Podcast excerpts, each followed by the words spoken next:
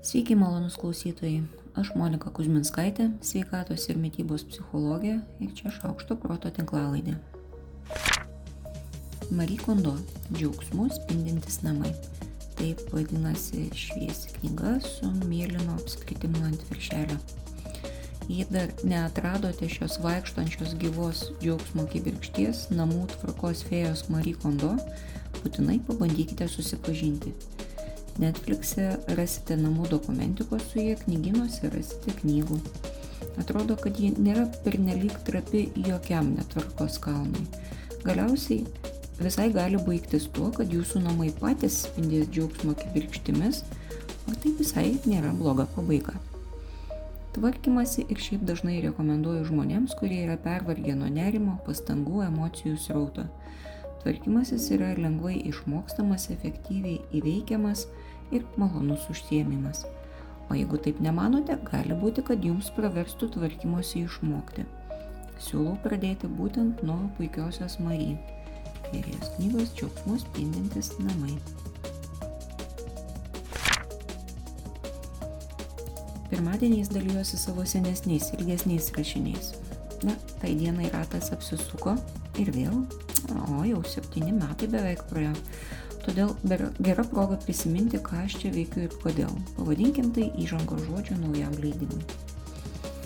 Aš sveikatos psichologija pagal išsilavinimą ir mytybos psichologija pagal pomėgį. Tai reiškia, kad esu baigusi psichologijos magistrantūros studijas Vilniaus universitete ir toliau nuosekliai studijuoju šią praktiką, dažniausiai Beck Institute, Institute for Cognitive Behavioral Therapy. Tai reiškia, kad užsijimu ne tik sveikata ir mytyba, nes žmoguje viskas su visko susiję ir neišeina išsikarpyti tik kai kurių temų. Tai labiau reiškia ties kokiais tyrimais stepteliu pasigilinti. Konsultuoju privačiai, skaitau paskaitas, šiomis temomis rašau socialiniuose tinkluose, mane rasit vardu šaukštas proto, tai beje yra apie mažų sistemingų pokyčių ir kognityvinio racionalaus balanso negelbsinčio mintim ir elgesio formom simboliką. Nors aliuzija į patarlę mane visada džiugina. Konsultacijose dažniausiai kalbamės apie nerimą, liūdėsį, įpročius, tikslus, santykius, dėmesį, stresą, turbūt kaip ir daugelis kitų psichologų. Taip ir apie maistą. Rašau tikėdamasi, kad taip galėsime susipažinti anksčiau, negu susitiksim konsultacijoje. Psichologo asmenybė yra vienas iš svarbiausių darbo įrankių ir ne kiekvienas kiekvienam tinka. Taip pat tikiuosi, kad tai, ką rašau, kažkam sukelia naudingų minčių, atveria kitokį požiūrio kampą ar tiesiai šviesiai yra pritaikoma ir atkartojama praktika kasdieniam gyvenime. Susitikim Facebook'e, Instagram'e, LinkedIn'e, Reddit'e, YouTube'e, TikTok'e, Spotify'e, Etsy, X platformose ar gyvai Vilniuje Koštauto gatvėje. Taigi, kodėl ir kaip? Pirmas pėtsakas turėtų aiškinti, ko aš ir kodėl. Todėl, kad nepaisant interneto mokslo pažangos ir vis gudrėjančios žmonijos, na bent jau regimai, pagrindinis mytybos žinių šaltinis yra žurnalai, portalai ir reklama. Todėl žmonės skaičiuoja kalorijas, badauja ar šiaip neprivalgo, nors kūnui reikia ne kalorijų maisto medžiagų ir 2000 kalorijų iš gryno cukraus yra aiškiai netinkama mytyba. Žmonės alinasi bėgiodami ar galiausiai perka kūną spaudžiančius drabužius Nors jau ne pirmus metus mes žmonėje žinome, kaip ir ką reikėtų daryti su savo maistu, bet kažkodėl nesijimam keisti elgesį. Ir toliau sergame. Kalbėdami apie maistą, smaugiame save iki negalėjimo dėl maisto kokybės ir visiškai ignoruojame tai, kad lygiai taip pat svarbu išsimiegoti, rūpintis dvasinę ramybę, jeigu jau negalim išvengti nerimo ir streso. Ieškom lengvesnių sprendimų, bet įmamės tokių, kurie visai visiškai neveikia. Na, liūdna ir tiek. Todėl čia bus psichologija, mytyba, kritinis mąstymas, žiupsnis medicinos ir statistikos. Toks ir bus kasdienis šaukštas proto. Vartoti saikingai, nuo vaikų galima nesaugoti. Pirmai pradžiai tokios vinutės. Bus dažnai, po nedaug, po šaukštą ir konkrečiai. Valgyti neužsimerkus, bet atvirom akim ir atviru protu tam, kad toliau valgyti, na, iš tiesų, galvoti savarankiškai. Nemaitinsiu svajonėm ir iliuzijom. Viską, ką rašysiu, paramstysiu ne tik savo nuomonę, bet ir mokslu ir dažniausiai juo. Nuorodas įrašo pabaigoje stengsiuos dėti tik ten, kur galima paskaityti pilną straipsnį ar knygą. Arba blogą, arba filmą. Nesijaudinkit, nebūtina studijuoti visą tekstą, nebent esat mokslo žmogus. Šiaip, šiaip šokit tiesiai į rezultatų dalį. Užtat aiškiai žinosit, iš kur žinot ir nesiremsit VBS informaciją. Rezultatus bet kokiu atveju cituosiu. Na ir taip daug kas e, yra angliškai, lietuviškai mytybos tyrinėjom kažkodėl retai.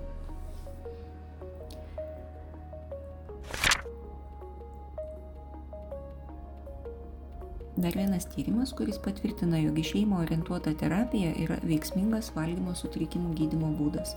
Intervencijos metu daugiau nei 95 procentai dalyvių atstatė sveiką kūno svorį, o po intervencijos pabaigos daugiau nei 42 procentam dalyvių nebereikėjo jokio kito gydimo. Ta proga apie tai, kas yra į šeimą orientuota terapija. Šiuo atveju klientas yra visa šeima, o ne tik vienas šeimos narys, kuris ar kuri turi diagnozę. Terapijos tikslas yra pakeisti santykius šeimos viduje taip, kad jie ne tik nebebūtų valgymo sutrikimo priežastimi, bet ir padėtų pasveikti. Valgymo sutrikimo atveju pagrindinė terapinė veikla yra šeimos valgymas kartu, o susitikimų su terapeutu metu vertinama atlikta veikla ir planuojama tolimesnė veikla. Terapijos metu nėra gilinamas į tai, kodėl valgymo sutrikimas atsirado Tėvų rolė apibrėžiama kaip pareiga aprūpinti vaiką sveiku ir vertingu maistu. Nes vaikas dalį terapinio proceso iš vis neturi kontrolės tame, ką, kada ir kiek valgys. Ir ši kontrolė tik vėliau ir iš lėto perdodama atgal vaikui. Pats valgymo sutrikimas yra eksternalizuojamas, jis laikomas išoriniu veiksniu, kuris veikia vaiką, tačiau nėra nei vaiko tyčinis elgesys, nei jo sudėtinė dalis. Praktiniai rezultatai yra svarbiausias tokios terapijos tikslas. Jeigu numanot, kad jums tokia terapija būtų veiksminga ar padėtų, būtinai kreipkitės į savo terapeutą ir aptarkit tokią galimybę. Šiaip jau viskas prasidėjo nuo vienos reklamos, kuri sakė, atidėliojimas yra netinginystė, o reakcija į traumą. Na, pralaukiau savo tipinį mintise vykstantį, o žiūrėk, tikrai, hm, yra momentas, mm, ne, bet ne. Tada jau paskaityti daugiau ir tada radau šį tyrimą. Kitam kultūriniam kontekste atlikti tyrimai visada labai įdomus, nes nori to ar ne, bet jie sukuria stebėtojo efektą, kurį dažniausiai seka aha. Šis tyrimas atliktas Kinijoje. Čia nustatyta, kad svarbus atidėliojimo veiksnys yra negatyvus perfekcionizmas. Na, tada, kai sakom nedarysiu, nes nepavyks tobulai. Nes bijoma nesėkmės ir vyksta ego išsekimo reiškinys. Būtiškai tariant, nebeturim jėgų save stumti į priekį arba tiesiog stengtis. Reikia paminėti, kad tai yra hipotezė ir vienbalsio pritarimo tam, kad turime tik ribotą išteklių kiekį, dar nėra. Didesnis mąstymo lankstumas sušvelnina ir jėgų trūkumo suvokimą ir atidėliojimą.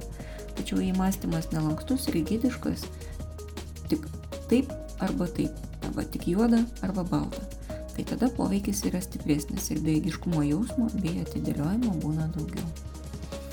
Mąstymo lankstumą neblogai demonstruoja frazė visada visiems būna visai.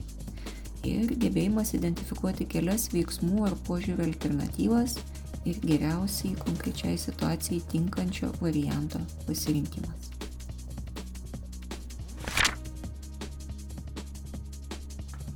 Mąstymo lankstumas nepleidžia manęs ir kitą dieną. Kitam tyrimė buvo vertinta, ar mąstymo lankstumo lygis gali būti naudojamas kaip valgymo sutrikimo sunkumo rodiklis. Pasirodo, kad nesunkiai sergant valgymo sutrikimu, mąstymo lankstumo lygis yra reikšmingai didesnis negu sergant sunkiai. Mąstymo lankstumas taip pat mažėja didėjant lygos trukmiai. Vadinasi, lygai progresuojant, mąstymas darosi vis rigidiškesnis ir nelankstesnis. Nebūtų nuostabu, jei žmogus savo to neįvardintų kaip problemos, nes šiaip jau savo taip įvardinam savo stiprumą. Nors būtent mąstymo nelankstumas ir veda į vis gilėjančias sveikatos problemas. Mąstymo lankstumą galima treniruoti sprendžiant problemas, įmantis naujų veiklų, mokantis, šiek tiek pakeičiant savo kasdienės rutinas, leidžiantis į nuotykius, kur ne viskas suplanuota, keičiant įpročius. Be jokios abejonės labai padeda dėmesingumo ir dėmesio platesnė prasme lavinimas. Aplinkos hygiena, vengiant nereikalingų dirgiklių, relaksacijos ir meditacijos praktikos, sveikas gyvenimo būdas, Sveika mytyba, pakankamas poilsis, miego kiekis, reguliarus fizinis aktyvumas. Nors tai gali atrodyti nesusiję dalykai, bet kai mąstymas yra verčiamas užsimti didelio informacijos rauto apdorojimu, jis nebeturi resursų alternatyvų generavimui ir jų vertinimui, kas ir yra mąstymo lankstumo pagrindas.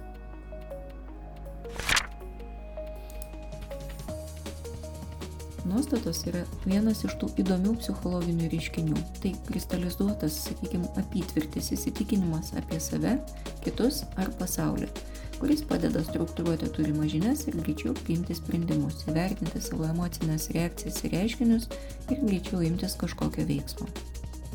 Nuostatos padeda telktis į vienodas ar panašias nuostatas turinčių žmonių grupės, tai vienas iš saviviškos būdų. Be to, nuostatos veikia kaip savyginos priemonė, kuri padeda išspręsti, na, ar, sakykime, greičiau ignoruoti kognityvinio disonanso atvejus, kai stojame į akistatą su prieštaringa informacija, tarkim, jums nepatinka, ką sako pašnekovas, todėl nusprendžiat, kad jis greičiausiai meluoja, nes visi jie tokie. Viskas būtų labai su nuostatom gerai, bet nuostatos turi visokių neigiamų aspektų. Nuostatų dirboje kartais auga tendencingi požiūriai, stereotipai ir neracionalūs įsitikinimai. Čia galime rasti iš ankstinių nusistatymų ir prietarų, pavyzdžiui, tokių kaip juoda katė nelaimė neša, stereotipų, pavyzdžiui, tokių, kad moteris nemoka programuoti, siauro požiūrio pavyzdžių, pavyzdžiui, visada mokėjau grinais, nepradėsiu dabar mokėti kitaip. Žmonės dažnai ieško įrodymų, kad jie yra teisūs, o gaunama informacija atitinka jų turimų nuostatų visumą. Angliškai tai vadinama confirmation bias. Todėl žmonės išsirankioja iš viso konteksto tik jų nuostatas atitinkančias detalės, o kitas ignoruoja. Priešingas nuostatas turintys žmonės gali veltis į konfliktą vien tik dėl to, nors realiai tai nėra neišvengiama ar būtina, ne, tarkim skiepus palaikantis ir skiepam prieštaraujantys žmonės. Nuostatos, ypač kai jos labai tvirtos ir jų labai daug, gali palaikyti nelankstų ir siaurą požiūrį ir vesti į agresyvų elgesį, diskriminaciją ir atskirtį. Siūlymas šiandienai, nes tai irgi eksperimentas, įvadas į, ilgas įvadas į eksperimentą. Įtaisykite savo dėmesio pakraštyje stebėtoje, ir pabandykite įvertinti, kiek savo minčių, emocijų ir veiksmų paremėte nuostatomis. Ne, pavyzdžiui, taip neteisinga, taip neturi būti, savaime aišku, žmonės taip nedaro ar panašiamis. Tai nebūtinai yra blogai, taip galim veikti greičiau, tačiau gali būti, kad turimos nuostatos reikalauja dulkių nuvalymo ir reguliaraus patikrinimo, ar informacija, kuria pagrista ši nuostata, yra teisinga. Ar tikrai yra taip, kaip užda ši nuostata. Mes norim būti teisūs, mes norim paskubėti ir atsakyti, tai aišku. Bet jei tik turi galimybę ir laiko pasitikrinti, tai visada gera praktika. Tai irgi eksperimentas, kurį siūlau atlikti, mintinis eksperimentas. Patys eksperimentai yra viena iš dažnai naudojamo technikų kognityvinė elgesio terapija. Eksperimentas yra skirtas patikrinti įsitikinimo teisingumui. Įsitikinimai yra saliginai tvirti, bet nebūtinai teisingi sprendimai, kuriuos naudojam nekritiškai, nebetikrindami kiekvieną kartą jų teisingumą. Klaidingi įsitikinimai gali metų metais mus vesti neteisingų kelių, taip ir nesuprantant, kas su manim, ar su kitais, ar su pasauliu yra negerai. Eksperimentas leidžia atpažinti klaidas įsitikinime ir stovint akistatoje su nauja informacija jį pataisyti ir perkonstruoti iš naujo. Jeigu eksperimentuojate, pasidalinkit prašau savo patyrimais bus labai įdomu ir visiems naudinga. Šiai savaitai tiek. Aš Monika Kuzminskaitė, sveikatos ir mytybos psichologė. Padedu spręsti kasdienius ir sudėtingus elgesio, mąstymo ir emocijų klausimus. Rašau, skaitau paskaitas, teikiu psichologinės konsultacijas.